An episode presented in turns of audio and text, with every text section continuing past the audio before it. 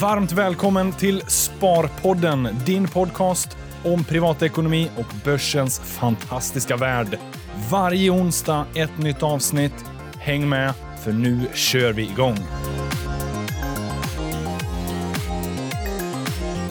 Hjärtligt välkomna hörni till ett nytt avsnitt av världens bästa Sparpodden.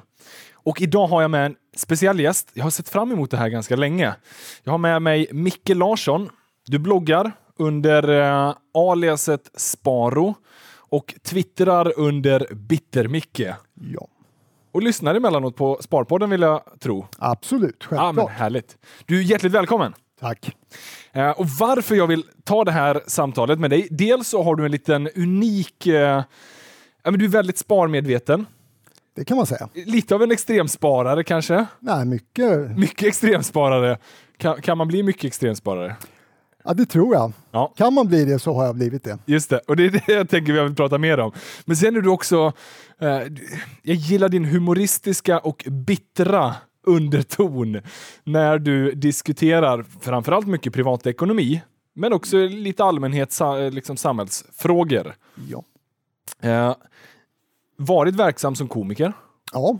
tidigare. Ja. Eh, och, och det ligger nog någonting, det var kanske din, eh, din, din komiska stil, den här bittra humoristiska undertonen. Vill jag tro det? Jag har inte sett. Alltså generellt så är ju bitterhet mycket roligare än... Ja. Alltså du kan ju inte gå upp på en scen och vara glad och trevlig och... Alltså det blir ju inte kul. Nej. Så är det ju. Så att bitterhet är ju en tacksam humorgenre om man säger. Men det är ju så här, varför jag vill ha med dig, det är för att en del grejer som du skriver, jag följer din blogg, Sparo. En del grejer du skriver tycker jag är väldigt spot on. Eh, du är väldigt ärlig och väldigt eh, rak med vad du tycker. Sen är det en del som är skit också, men det är så, så med allt. Det är mycket jag gör skit också. Ja då. Eh, men hur kommer du in, eller hur kom du in på bloggspåret? Vad fick dig att börja liksom blogga under Sparo? Jag är ju frilansskribent sedan massor med år och skriver om det mesta och liksom varit krönikör, översatt allt möjligt, eh, sökmotortexter. Eh, jag kände någonstans att jag har inte alls skrivit så mycket om privatekonomi som är ett stort intresse och alltid har varit. Så då hade jag lite tid över och tänkte att jag drar igång en blogg och ser om det kanske kan leda till lite skrivjobb, vilket det har gjort. Så Ja. Det var väl egentligen det som var tanken och sen även få lite input på investeringar och, och så. Ja. Och det är det här som jag vill prata mer om. Eh, men hur kom du in på privatekonomi och sparande? Vad var det som öppnade upp dörren för dig? För du säger att det alltid har varit ett stort intresse. Ja, men alltså det, alla har ju pengar från 7-8 års ålder eller någonting. Sen är man ju intresserad av det på något sätt, Ja. tycker jag. Så att jag har nog alltid sparat och gnetat och, och känt en viss glädje över att spara ihop pengar och göra vettiga investeringar och inköp. Men är, är drivkraften för dig att spara? För det är därför jag tycker det här är kul. Nu har vi haft menar om jag lever för att spara eller spara för att leva, eller vad brukar ni? Ja men faktiskt, för nu har vi haft, vi har pratat ganska mycket investeringar i Sparpodden nu under senare tid. Eh, så det är därför är det lite extra kul att ta det här sparvinkeln. Och det känns ändå som att det finns en drivkraft i dig av sparandet.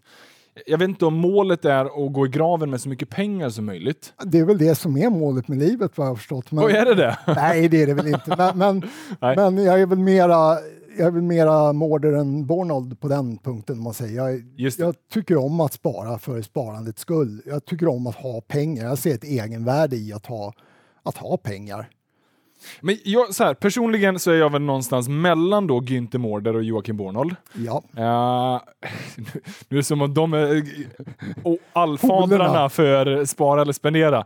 Eh, men jag är så här, jag ser vitsen av att spara. Jag är ganska sparsam eh, och jag gillar att, att fundera över hur man kan hantera sina pengaflöden och är ganska duktig på att optimera det där till min fördel. Eh, men jag är också lite generös emellanåt. Jag vill unna mig själv saker emellanåt och kan tänka mig att spendera på vissa saker. Eh, har, har du också den balansen eller har det liksom tagit över sparandet? jag har ingen som helst balans. Det det jag det, det har gått helt överstyr. Hur kunde det bli så fel? Nej, men eh, Det har jag väl förmodligen någon balans, men min balans ser nog inte ut som din balans. Jag skulle tro att ditt spenderande är mer frikostigt än mitt. Sen försöker jag ju, alltså jag är ju inte Ove Sundberg-snål så att jag försöker så att livet går ut på att lura mina kompisar och stå för mina kostnader utan jag, det, det handlar om mitt eget sparande på mig själv. Så annars brukar jag väl vara en hyfsat generös människa också. Men, men jag har ett spar, alltså jag har ett inte speciellt kostsamma intressen och har väl egentligen aldrig haft heller utan jag försöker i möjligaste mån omvandla alla intressen till jobb och tjäna pengar på dem istället för att spendera pengar. Intressant. Och det, det för mig då vidare, för sparsamhet kräver ju att man har en viss inkomst att kunna spara undan. Eh, och visst är du, du är inte anställd i dagsläget, utan du är egenföretagare? Jag är egenföretagare sedan 2000. Okay. Så att det börjar vara ganska länge som det inte har kommit in någon lön på kontot den 25. Ja. Och vad var det som fick dig att kliva över till egenföretagare? Eh, hade, du, hade du en summa pengar som gjorde att du vågade ta det steget eller hade du bara för, förmågan av att våga säga upp dig för du vet att du ändå kommer lösa? Ja, det är väl någon slags kombination. Jag hade börjat med ståuppkomik och kände att det började bli ohållbart att ha ett heltidsjobb på dagarna, uppträda på kvällarna, köra bil ja. till jobbet på natten, ställa klockan på sex så att man hann kliva upp ur soffan i konferensrummet innan de andra såg att jag hade sovit över. Man kände sig som George i Seinfeld. Det funkar liksom inte. Utan framförallt om man gör den resan kanske två gånger samma vecka och sover tre timmar så blir man ju dum i huvudet till slut. Så att jag kände att det här går inte. Eh, och då är det klart att hade jag inte varit så sparsam som jag är, då hade jag ju fått göra någon slags övergång som hade tagit flera år nu kunde jag säga upp mig från jobbet, flytta till Stockholm med viss vånda, men jag hade ändå liksom den ekonomiska tryggheten att det här kommer att ordna sig för att jag hade mm. skapligt med pengar och framförallt väldigt låga utgifter. Och det som har fått dig att överleva då sedan 2000, är det på grund av att du har lyckats skapa inkomster eller bara extremt låga utgifter? Det är väl en kombination. Ja, du har ändå men, lyckats få lite inkomster. ja, det har jag, men det är klart att jag, jag, tror ju... Jag hade ett ganska bra chefsjobb när jag slutade 2000, så att jag tror ju att hade jag fortsatt på den linjen så hade jag nog haft högre inkomster hela vägen hit fram med undantag för några enstaka månader. Men eh, så är det nog. Så att, eh, och varför fick du, det här är ju jätteintressant. Varför sa du upp det då? Eller förstod du det 2000 att du kommer nog inte tjäna lika mycket, men du får en annan typ av livsstil som, som förmodligen är mer värt det? Jag tror inte jag funderade riktigt i den banan utan jag kände att det liv jag hade, det jobb jag hade var ingenting jag ville fortsätta med och det hade jag, hade jag fortsatt med det till nu så hade jag ångrat mig till slut väldigt, väldigt ofta så att det var liksom inte Nej. Det var bara att köra på och se var man landar. Det, Alltså jag har aldrig, från, från alla jobb som jag har sagt upp mig från och, och så, så har det alltid liksom löst sig. Det är ju inte så att man hamnar på gatan och får samla tomglas utan det ordnar sig ju alltid på något sätt. Ja. Och det, ja, det har det gjort sedan dess Men är också. inte det en typ av inkomst också? Samla lite pantburkar? Det är absolut en inkomst, men, men det är ingenting som jag tror att man kan göra stora pengar på. Nej, okej. Okay. Men så att sparandet har ju liksom möjliggjort den här typen av livsstil för dig. Absolut. Uh, och jag antar, jag får känslan, du får ju rätta mig om jag har fel nu, men du, här, du har ganska mycket tid över. Uh, och tid som du kan engagera dig i skrivandet, bloggandet och, och så vidare.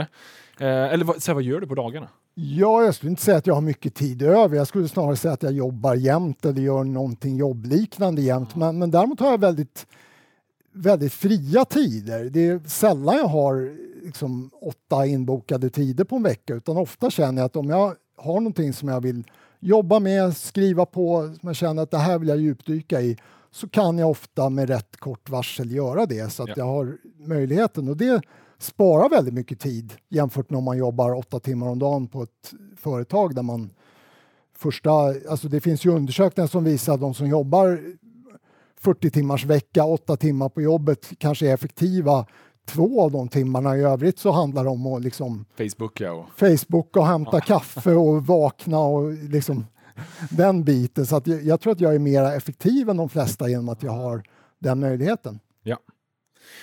Men hur, hur, eh, Mäter du, hur, hur extremt spar, sparande är du? Liksom, odlar du eget hemma och, och sånt där? Eller liksom... Uh, nu bor jag i lägenhet så att det är väldigt... Har du dragit upp parketten och odlat potatisar i Jag har inte gjort det. Jag, jag odlar chili, det är ungefär där nivån går. Eh, så länge jag kan odla det i kruka så går det bra, men det är väl inga direkta pengar i det. Men uh, jag lägger ungefär 700 kronor i månaden på mat, vilket väl är liksom en tredjedel av existensminimum. typ. Eller vad heter det? För, ja, riksnormen för försörjningsstöd. Ja. Den ligger på ungefär tre gånger de pengarna. Eh, men det är inte på något sätt en uppoffring från min sida. Jag tycker att jag äter nyttigare och godare än alla jag känner i princip. Det är bara att jag undviker hel och halvfabrikat, jag lagar mat från grunden, jag är vegetarian vilket ju är rätt ekonomiskt och dessutom så gillar jag rätt mycket billig mat. Ja. Men, men vad, vad, blir det i princip då? Det är mycket rotfrukter och inte så mycket kött. Det är där man ja, har mycket att spara in antar jag? Inte kött alls då eftersom jag är vegetarian. Nej, exakt. Eh, ja, nej, fisk det, eh, tänker jag, det kanske du skippar också då? det, det skippar också. jag också. Kött, fisk och ägg äter jag inte. Nej. Så att, ägg är ju billigt annars. Det är kanske billigt, men jag äter inte det ändå. Så att, eh, ah. så att, eh, ja. nej, men det är mycket grönsaker, rotfrukter, baljväxter, ärtor, bönor det är ju liksom det som är billigast. Så att, ja. Eh, och det är även väldigt nyttig mat och jag gillar dessutom mycket av det. Så att det är liksom inte en... Det är absolut ingen uppoffring jag har gjort ekonomiskt. Jag tror inte att jag skulle... Alltså om jag skulle vinna 50 miljoner idag, jag tror inte att jag skulle ändra mina matvanor speciellt mycket. Inte? Vad skulle du göra om du vann 50 miljoner? Det är en väldigt bra fråga. Jag tror att 49 eller fler av de miljonerna skulle hamna i aktieportföljen. Ja. Där, var ambitionen att få den att växa. Ja, och där kanske jag skulle ändra mig lite grann för att då kan man ju lägga risknivån lite annorlunda om man har den mängden pengar. Men, Mer eller mindre risk? Ja, det är en bra fråga också, men mindre risk ja, generellt. Det var det jag tänkte också, för då har man ju, kan man ta lite utdelningsaktier och bara leva på de där. Precis, då ja. behöver jag inte engagera mig så mycket i det. Sen är det möjligt att jag skulle ta en liten del av den där portföljen och börja krejsa på mig lite mer än vad jag gör nu, men eh, jag vet inte. Men kan, kan du inte känna någonstans att fan, 49 miljoner, du skulle kunna köpa en liten ö någonstans? Bara bo på lyxhotell. Är du inte sugen på det där? Alltså lyxhotell, är det så roligt? Nu, nu, Nej, jag vet inte. Nu, nu har jag de, de... Nu kommer bitterheten fram. Alltså jobbar man på Nordnet då kanske, man, då kanske man har provat det tillräckligt mycket. Jag kan säga att när det är inte mycket lyxhotell på Nordnet, det kan när, jag lova dig. När det är artistbokare som bokar hotellen då får man vara glad om man får en egen toalett på rummet. Det är, liksom, det är bonus. Ja. Så att jag har väl kanske inte så mycket att ge. Men alltså, jag trivs rätt bra med att bo på ett ställe jag inte så resbenägen generellt. Och du är inte sugen på att ha någon liksom, sportig bil eller uh, köpa någon annan lyx för de där pengarna? Inte särskilt, men det är klart, alltså, för, är jag tvungen, får jag in 50 miljoner så måste jag göra någonting för pengarna, annars ja. blir jag ju idiotförklarad. Så att, då är det klart att då kanske det kanske skulle komma in en liten bil då som är lite dyrare, men även där har jag, jag har svårt att se mig själv köpa en Ferrari för ett antal miljoner, för det roar inte mig. Nej. En bil har man för att ta sig från punkt A till punkt B och jag följer hastighetsbegränsningarna generellt. Jag tycker inte att det är... Ja. Generellt bara? Mer än generellt. okay. jag, jag, tror att jag kör, lång, jag kör som en kärring, brukar min 80-åriga mamma säga, så det säger lite grann om ja. Men jag, jag, jag, tycker att det ligger mycket i det du säger. Uh, man, man bör nog inte alltid söka den där lyxen. Det känns så lätt att man bör konsumera mer. Det är det samhället är uppbyggt på. Vi lever ju i en konsumtionsvärld. Mm. Uh, därför tycker jag att det är ganska bra att få höra ett sånt budskap emellanåt. Att man kan vara så otroligt nöjd med det man har. Och man kan vara så otroligt nöjd med ganska små medel. Alltså jag missade hela den där lektionen när, när, när man fick lära sig att om man får ökade inkomster då måste man automatiskt öka på utgifterna också. Eller den här tanken att man måste, man måste varje månad i början på månaden plocka undan lite pengar från lönekontot eller vad man har för att annars så kommer de på något märkligt sätt bara försvinna. Alltså jag vet inte vad andra har för bankkonton. Jag har aldrig haft ett bankkonto som automatiskt nollställs den 24 varje månad. Jag förstår inte idén med det. Utan jag handlar när jag behöver någonting eller när jag verkligen vill ha någonting. Det finns pengar att handla för är liksom inte ett argument för att konsumera för mig. Jag är konstig på det sättet. Jag vet ja, inte. Men det, det, det förutsätter ju att du har ett system som ger dig en netto plus-summa. Så du behöver ju inte oroa dig om det finns pengar, antar jag. Nej, inte så. Alltså... För där är det ju ändå många i samhället som är att så här, man har knappt så att det räcker till. Eh, men de då som har lite mer mm. Är ju kanske villiga att spendera lite mer. Och det, det, är där man behöver hitta balansen, bromsa lite emellanåt. Mm. Eh. Men där tycker jag att, eh, jag inser att min balans är rätt extrem så, men samtidigt så tycker jag att om man, har, om man lever på ett sånt sätt så att en utgift på 5-10 000 kronor som kommer oförutsedd helt skulle slå sönder ens privata ekonomi. Det är inte vad jag kallar balans Nej. någonstans. Och det är ju som du säger, väldigt många lever där. Det är ju ja. Ann Wibble för x antal decennier sedan tyckte att man skulle ha en årslön på banken och blev fullständigt idiotförklarad av det jag menar, i dagens läge så tror jag hon skulle bli idiotförklarad om hon hade sagt tre månader för att det är väldigt få som har. Mm. Och det tycker jag är konstigt. Hur, mycket, hur många, många årslöner eller hur mycket månadslöner ska man ha på kontot då, tycker du?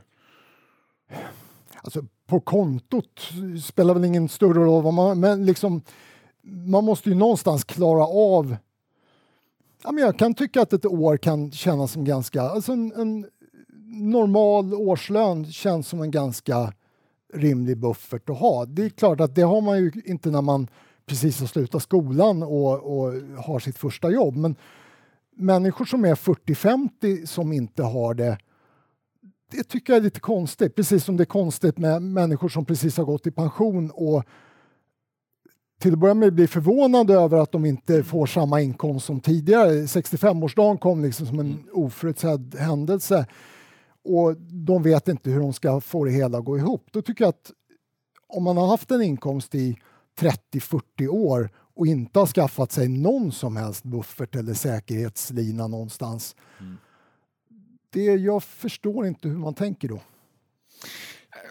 och det finns nog många aspekter av det där. Jag håller med dig, man bör ju ha en buffert. Uh, och sen kan man välja att ha den i sparkonto eller ha den i, som en aktieportfölj. Mm. Och hur stor, ja men det kommer ju variera. Men att du oh. behöver en buffert, det är ju liksom uppenbart. Ja.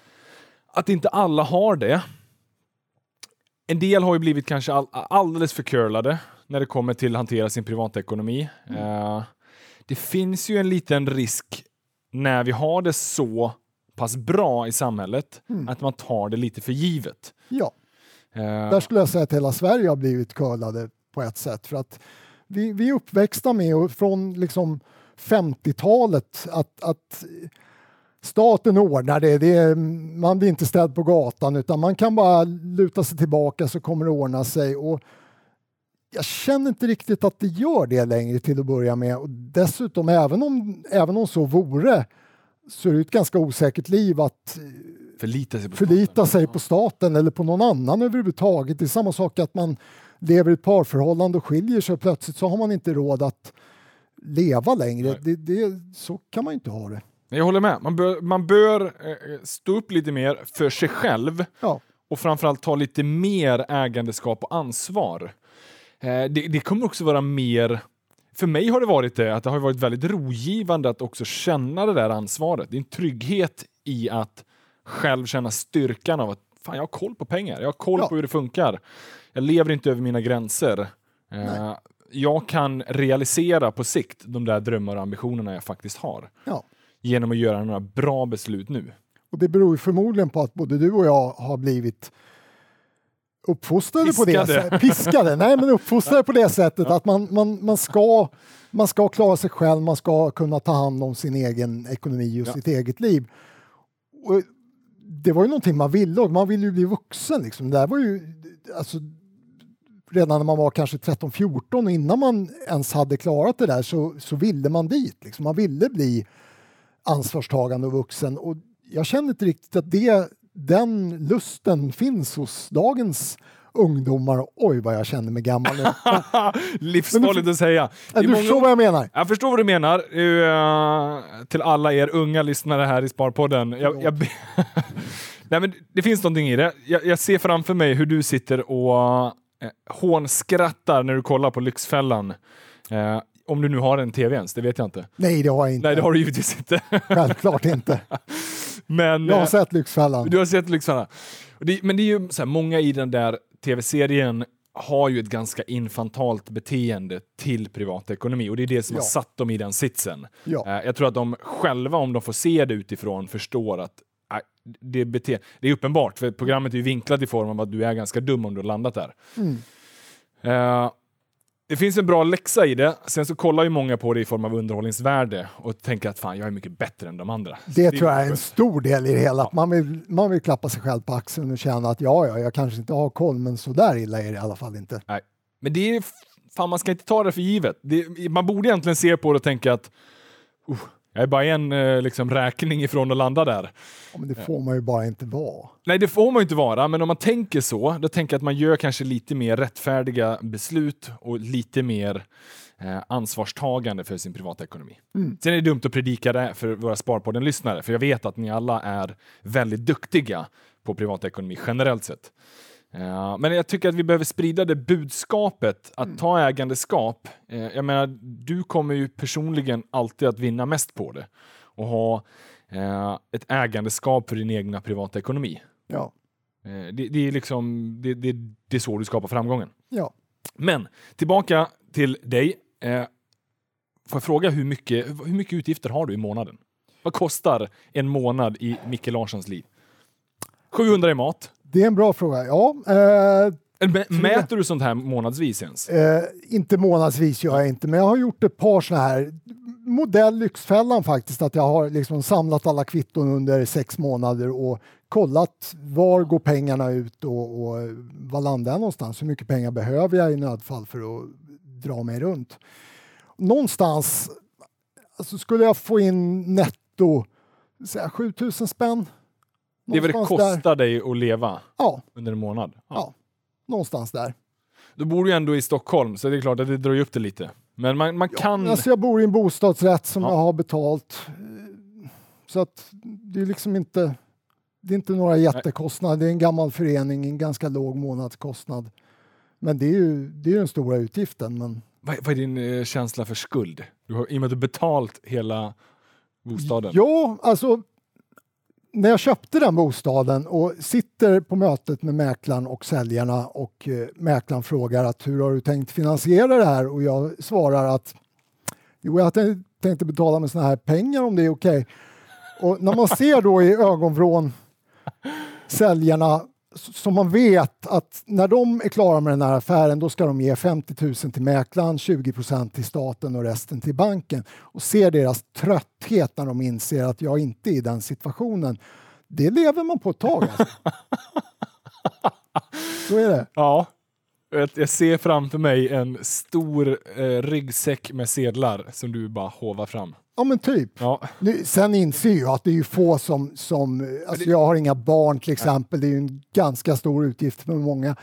Eh, Så att jag inser att alla kan ju inte göra det och vill man bo i, i Stockholms innerstad så är det liksom, då får du ju råna en bank innan om du ska göra det. Så att, så att det går ju inte och den typen av skulder är väl självklart och likaså studieskulder att folk skaffar sig. Men jag tycker att folk i allmänhet har lite för lätt att ta lån. Alltså man, man tycker att det är självklart att låna till exempel till en bil eller till konsumtionslån, julklappar. Liksom, då är frågan, om man inte har pengarna att betala, ska man verkligen köpa det då? Jag är tveksam Ja. många gånger. Det, och jag gillar den inställningen. Sen, precis som du säger, en del fall så är ju lån eh, en oundviklighet. Du behöver ha det. Ja. Eh, men du låter som att du är lite allergisk mot julklappar. Det är inte riktigt din... Eh, jag firar egentligen inte jul i någon större Nej. utsträckning. Jag har inga barn i, i den närmaste familjen så då, då faller liksom den här julklappsidén lite grann. Och nej, Nej.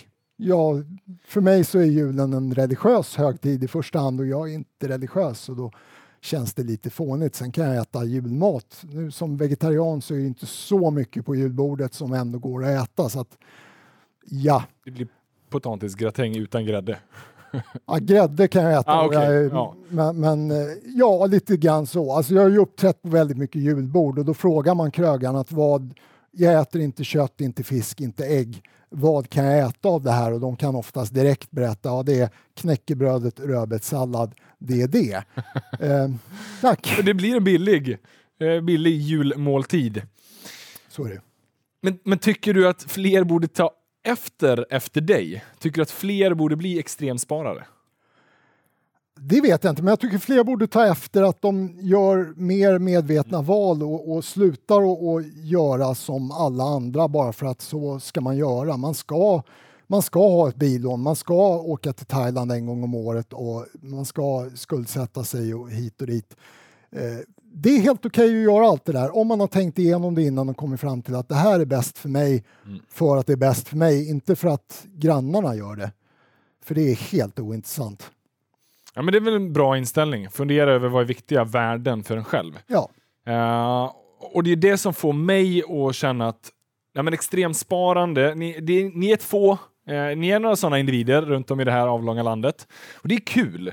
Det är kul med sådana som vågar ta det till sin spets. Men alla kommer inte följa på det där. Och Nej. det är inte rimligt heller. nej.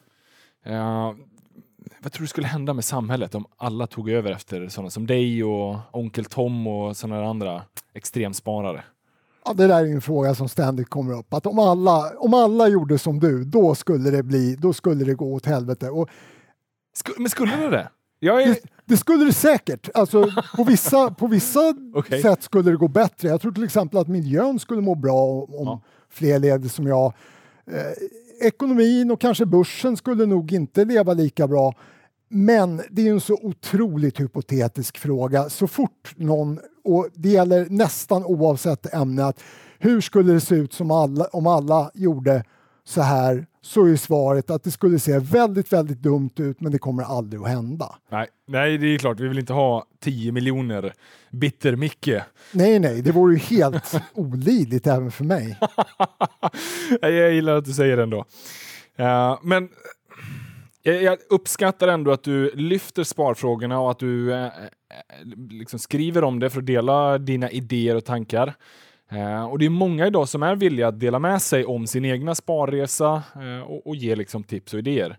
Eh, för det är det som gör, tror jag, att den stora massan blir lite bättre och vi kan alla hitta lite tips och tricks från olika individer.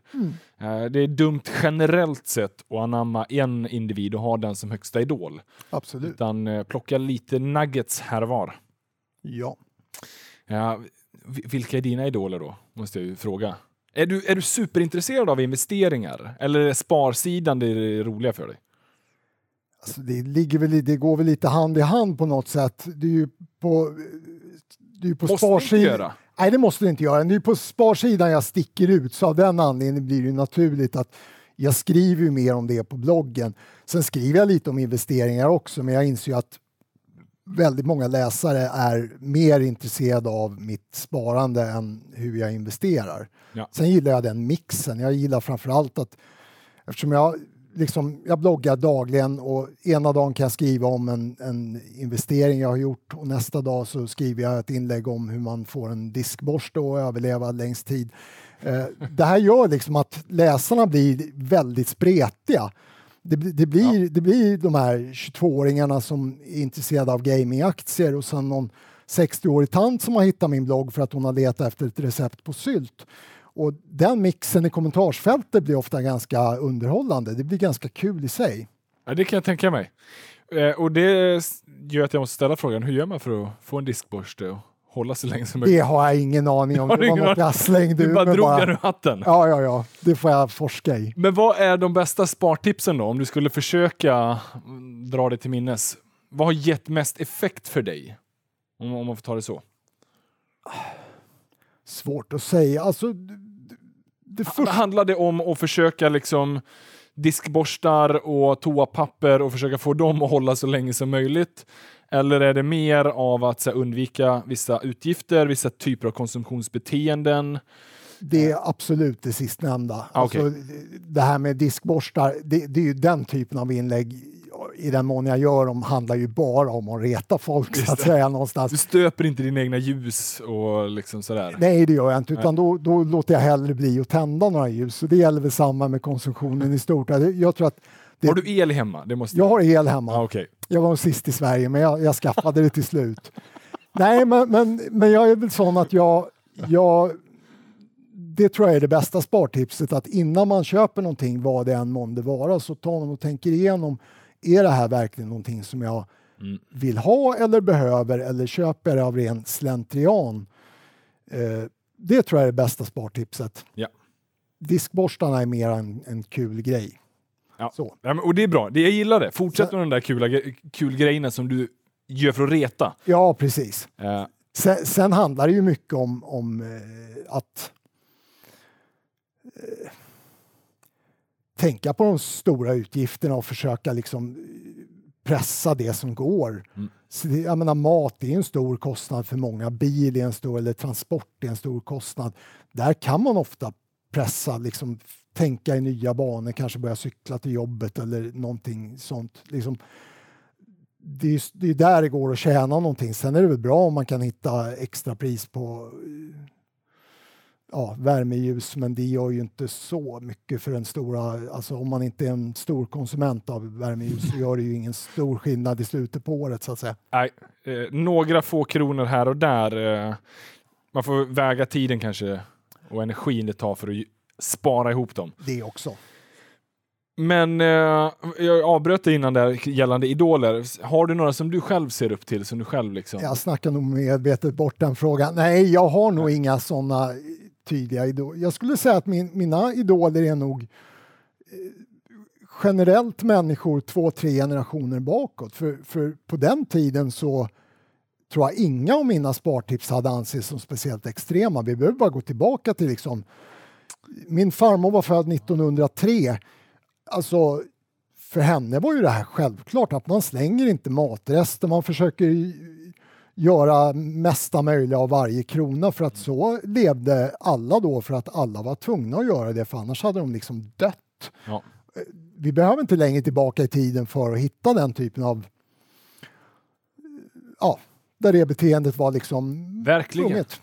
Man, var, man behövde och man var tvungen och Ja, men det var svårare tider generellt sett, så det var ja. klart att man var i en sån sits. Det var helt naturligt att man inte bränner pengar på skit, utan man, man sparar för man vet inte vad som händer imorgon så att säga. Man måste ha en buffert, man måste klara missväxt eller vad det kan vara. Nu börjar vi kanske hamna ner på 1700-talet eller något, men... men var det alltid bättre förr? Ju förr dess bättre. uh, nej, det vet jag inte. Men det var lite bättre i vissa tidsepoker ja, tidigare. Som något sånt här gammalt uttryck att jag säger inte att det var bättre förr men det är sämre nu. eh, Okej, ja. det är väl så. Nej, men det mycket var bättre förr, det tycker jag. Men du förstår ju att det där är ju lite gubbigt sagt. Oh ja. ja. Gillar du att vara lite sån bittergubbe? Jo, men lite grann gör jag nog det.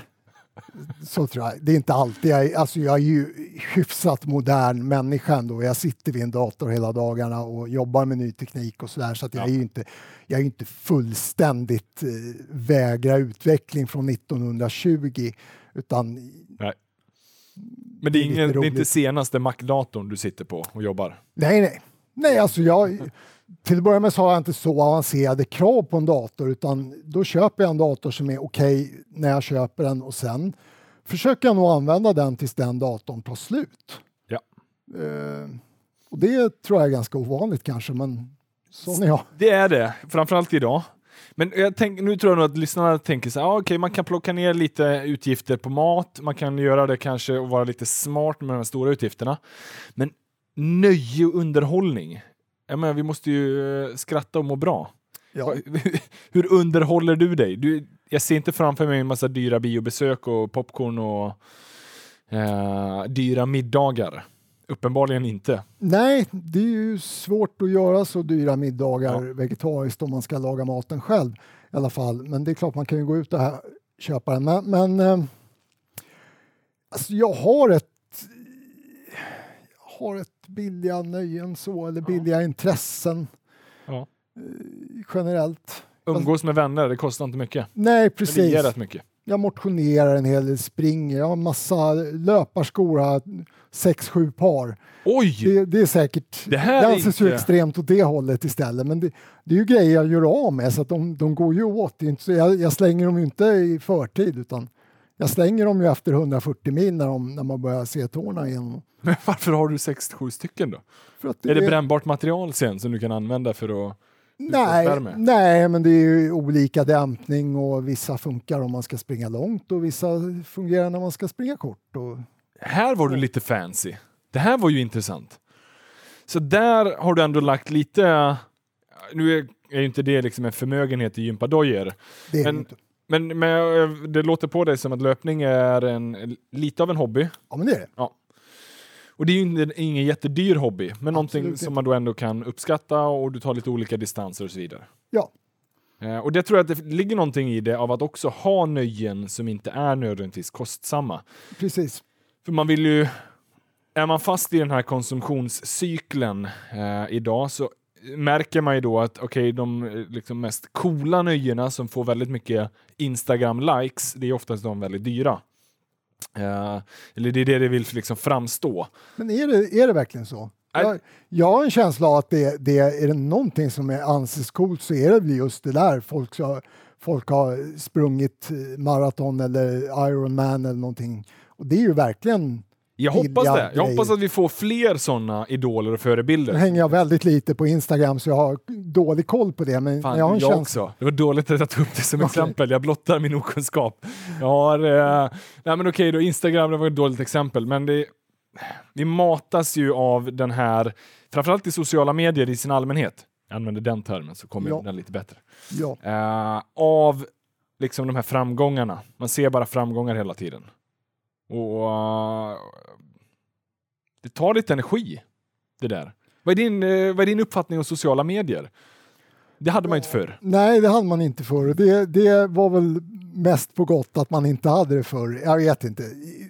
En del i alla fall, väldigt många, känns som att de kanske skulle backa undan lite från det för det är inte helt nyttigt för dem.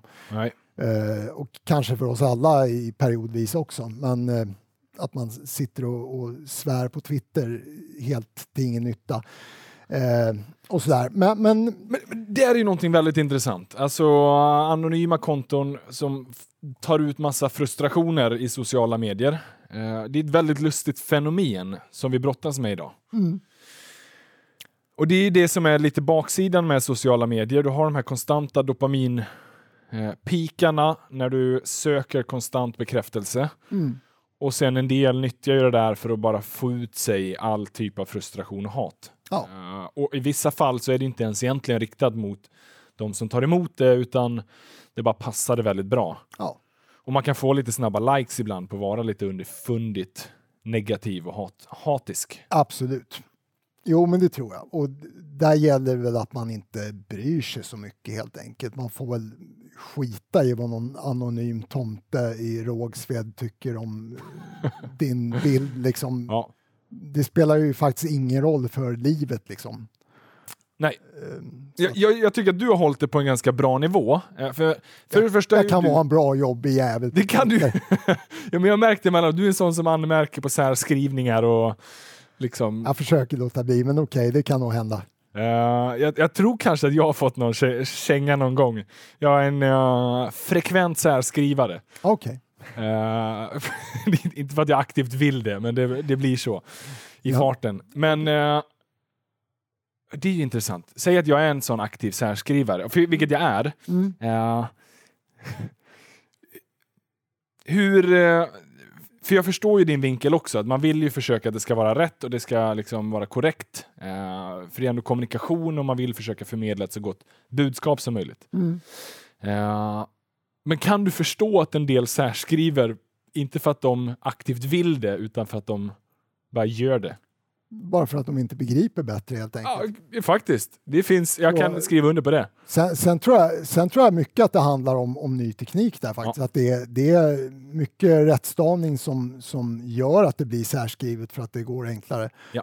Eh, alltså, någonstans får man försöka sila bort det också och känna att det, man får försöka läsa budskapet. Men självklart blir det ju så att någon som formulerar sig dåligt kommer inte att mötas med samma respekt som någon som formulerar sig bra. Så det, jag tycker att det lönar sig att lägga de där extra sekunderna på att eh, få det rätt. Men, Ja. men sen är det förmodligen så att jag som jobbar med språk eh, och är en, en störig jävel, jag retar mig ju mer än vad generellt folk gör. Så att, Men, men jag tycker att den här är jättebra, för jag håller verkligen med dig. Eh, jag tycker ju personligen också att det bör vara korrekt. Och Mm. man får en bättre respekt om man har gjort det korrekt. Ja. Eh, då, då finns det inte att anmärka på liksom, eh, själva liksom bara plakatet, utan då, då kan man verkligen bearbeta innehållet. mm. Men, eh, men man behöver hålla balansen där. Jag tycker du är duktig på att vara konstruktiv snarare än bara liksom skicka hatiska budskap. det är bra om du att- tycker det. Eh, och det handlar verkligen inte... Jag tycker väl egentligen i så fall att ett större problem med sociala medier är att folk inte är sociala utan att man, man använder det som någon slags anslagstavla och mycket politiker till exempel som lägger ut inlägg på Twitter som i princip aldrig kommenterar, svarar på en enda kommentar eller fråga de får. Utan de använder det som en anslagstavla. Om det är det man är ute efter, då ska man nog skaffa en hemsida istället där man lägger ut sina budskap. Det är likadant med en blogg om man har så, så tycker jag att då ingår det i dealen att man får svara på de kommentarer man får och, och reagera i den mån det är någonting att, att agera på. Men, men de som bara skiter i vad omvärlden tycker, då tycker jag inte att man då är sociala medier fel. Då får man leta efter asociala medier istället. Ja, men jag håller med dig. Det är ju själva interaktionen som är det fina i det. ja, För både den som har ett budskap att dela, men också den som tar emot budskapet. ja. Eh, Det är då man också kan lära sig någonting. Mm. Sen är det ju generellt sett svårt, tycker jag, att lära sig någonting via sociala medier. För ofta går man in med det med en förutfattad mening och nu vill jag bara trycka det här budskapet. Det är sällan man är helt öppen för att liksom navigera sig fram. Det är generellt sett min uppfattning. Du håller inte med mig? Ja, både och Bra. skulle jag säga. Jag tycker att, att man kan få en och annan input, kanske framförallt då på Twitter. Facebook kändes mer som en så här ryggdunkarforum. Därför finns jag inte där längre, för jag orkade inte med liksom att du kan inte ha en diskussion mellan två människor som har olika åsikter utan att det kommer in fem andra som säger att börja inte bråka i den här tråden nu bara för att man har olika åsikter, för det får man inte ha i Sverige. Man måste tycka exakt samma om allt, annars blir det bråk. Det, det, är liksom, det är de två nivåerna som finns. Där tycker jag kanske att Twitter är lite friare. Där får man ha olika åsikter. Där kan man diskutera och debattera med folk. Och då kan man faktiskt få en, en åsikt emot sig som man känner att den där hade inte jag tänkt på eller det där höll jag inte med om men får fundera över om det kan stämma. Eh, så att helt, helt hopplöst förlorat tycker jag inte att det är så att säga. Nej, det tycker jag inte heller. Men jag tycker att man ser det för sällan. Och för sällan att man också aktivt vågar ha lite mer svängutrymme. Sen så, jag, jag vet inte, det kanske bara är min uppfattning av begränsningen i tecken och eh, liksom möjligheten att förklara. Eh, det känns som att man behöver väga sina ord väl och man har inte hela, eh, det känns som att man inte har helt öppet spelrum för man kan se det på det sättet och man kan också se det på ett annat sätt. Jag vet inte, jag pratar i filosofiska, nästan svamlande termer. Ja, men jag förstår vad du eh, menar tror jag. Men det är någonting med själva mediumet, eh, med sociala medier som gör att dels så har du den här risken av att bli uthängd. Har du en gång skrivit någonting så finns det där. Mm. Eh, även om du bara testade en idé Mm. och, du, och man ville liksom försöka se om man kunde få igång en diskussion. Mm. Men den kan sen tolkas. Jag menar 280 tecken är ju ganska öppet för tolkning. Du får sällan ut det fulla budskapet. Eh, det, eller det kräver en jädra teknik som inte jag besitter åtminstone. Jo, nej men så är det ju. Och sen, där... sen, bygger det ju på att folk också vill förstå vad du säger. Vill man medvetet missförstå så, så då kan man göra det. Då finns det alla möjligheter. Det är det jag menar. Och det, men de kommer du ju inte få med på tåget i alla fall, så det spelar inte så stor roll. Alltså de som inte är öppna för att diskutera, de, de kan du säga vad du vill till. De kommer ändå aldrig förstå. Nej, precis. Och, och sen finns det ju de som är av en annan åsikt men öppna att diskutera. Det är de man egentligen vill träffa. Det är de ja, man vill höra. Så man kan själv utvärdera ens egna ståndpunkt. Mm. Men det är så jävla svårt att eh, märka skillnaden mellan någon som är av en annan åsikt och vill ju argumentera eller någon som bara är av en annan åsikt och bara skiter i vad du har att säga. Ja. Uh, lite av det går väl kanske Ja, fan, den, den är svår. Svårnavigerat idag. Ja, Undra, vad, vad, tror du om sociala medier om 50 år? Finns de eller Oj. finns de inte? Det var en väldigt bra fråga. Du har ju massa tid över. Sitter du inte och filosoferar på sådana här grejer? Hur sociala medier ser ut om 50 år? Nej, det kan jag inte säga en fråga som jag stöter och blöter varje dag. Men jag kan väl tro att av dagens... Nej, men eh, det finns väl förmodligen kvar i någon form, ja. skulle jag tro. Ja, vi behöver interaktion. Ja, någon form av interaktion. Så är det ju. Jag menar, tittar man på de senaste åren så blir ju folk egentligen mindre rörliga. Man, man umgås inte lika mycket i IRL utan man, man sitter på nätet och umgås både med vänner och ovänner så att säga. Så att det kommer väl förmodligen att fortsätta ett tag till åt ja. det hållet. Um, så det får vi nog leva med. Ja, det får vi göra. Sitter du generellt sett och filosoferar mycket? Eller är du mer... Du känns en ganska mycket här och nu. Du, du, du, diskuterar väldigt mycket aktuella samhällsfrågor, är min uppfattning i alla fall. Men... Eh, jo, men det gör jag väl. Det är väl det som är intressant. Alltså, sen kan man ju stöta och blöta saker som har hänt för hundra år sedan också, men, men det ger väl kanske inte så mycket. Nej. Det hinner man ju inte med, utan man får ju, får ju ta det som är här och nu. Men nej, jag vet inte. Du vet inte? Hur du... filosofisk jag är. Nej, men det är, eh, jag tycker att det här har varit ett mycket trevligt, lite halvt filosofiskt samtal i alla fall. Eh, du är en härlig individ, det var därför jag också ville ha det här samtalet.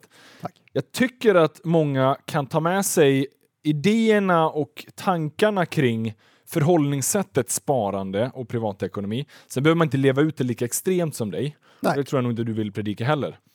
Nej, som sagt, jag tycker det viktiga är att folk gör vad de själva vill, men, men eh, men att man gör vad man själv vill och inte att man sneglar för mycket.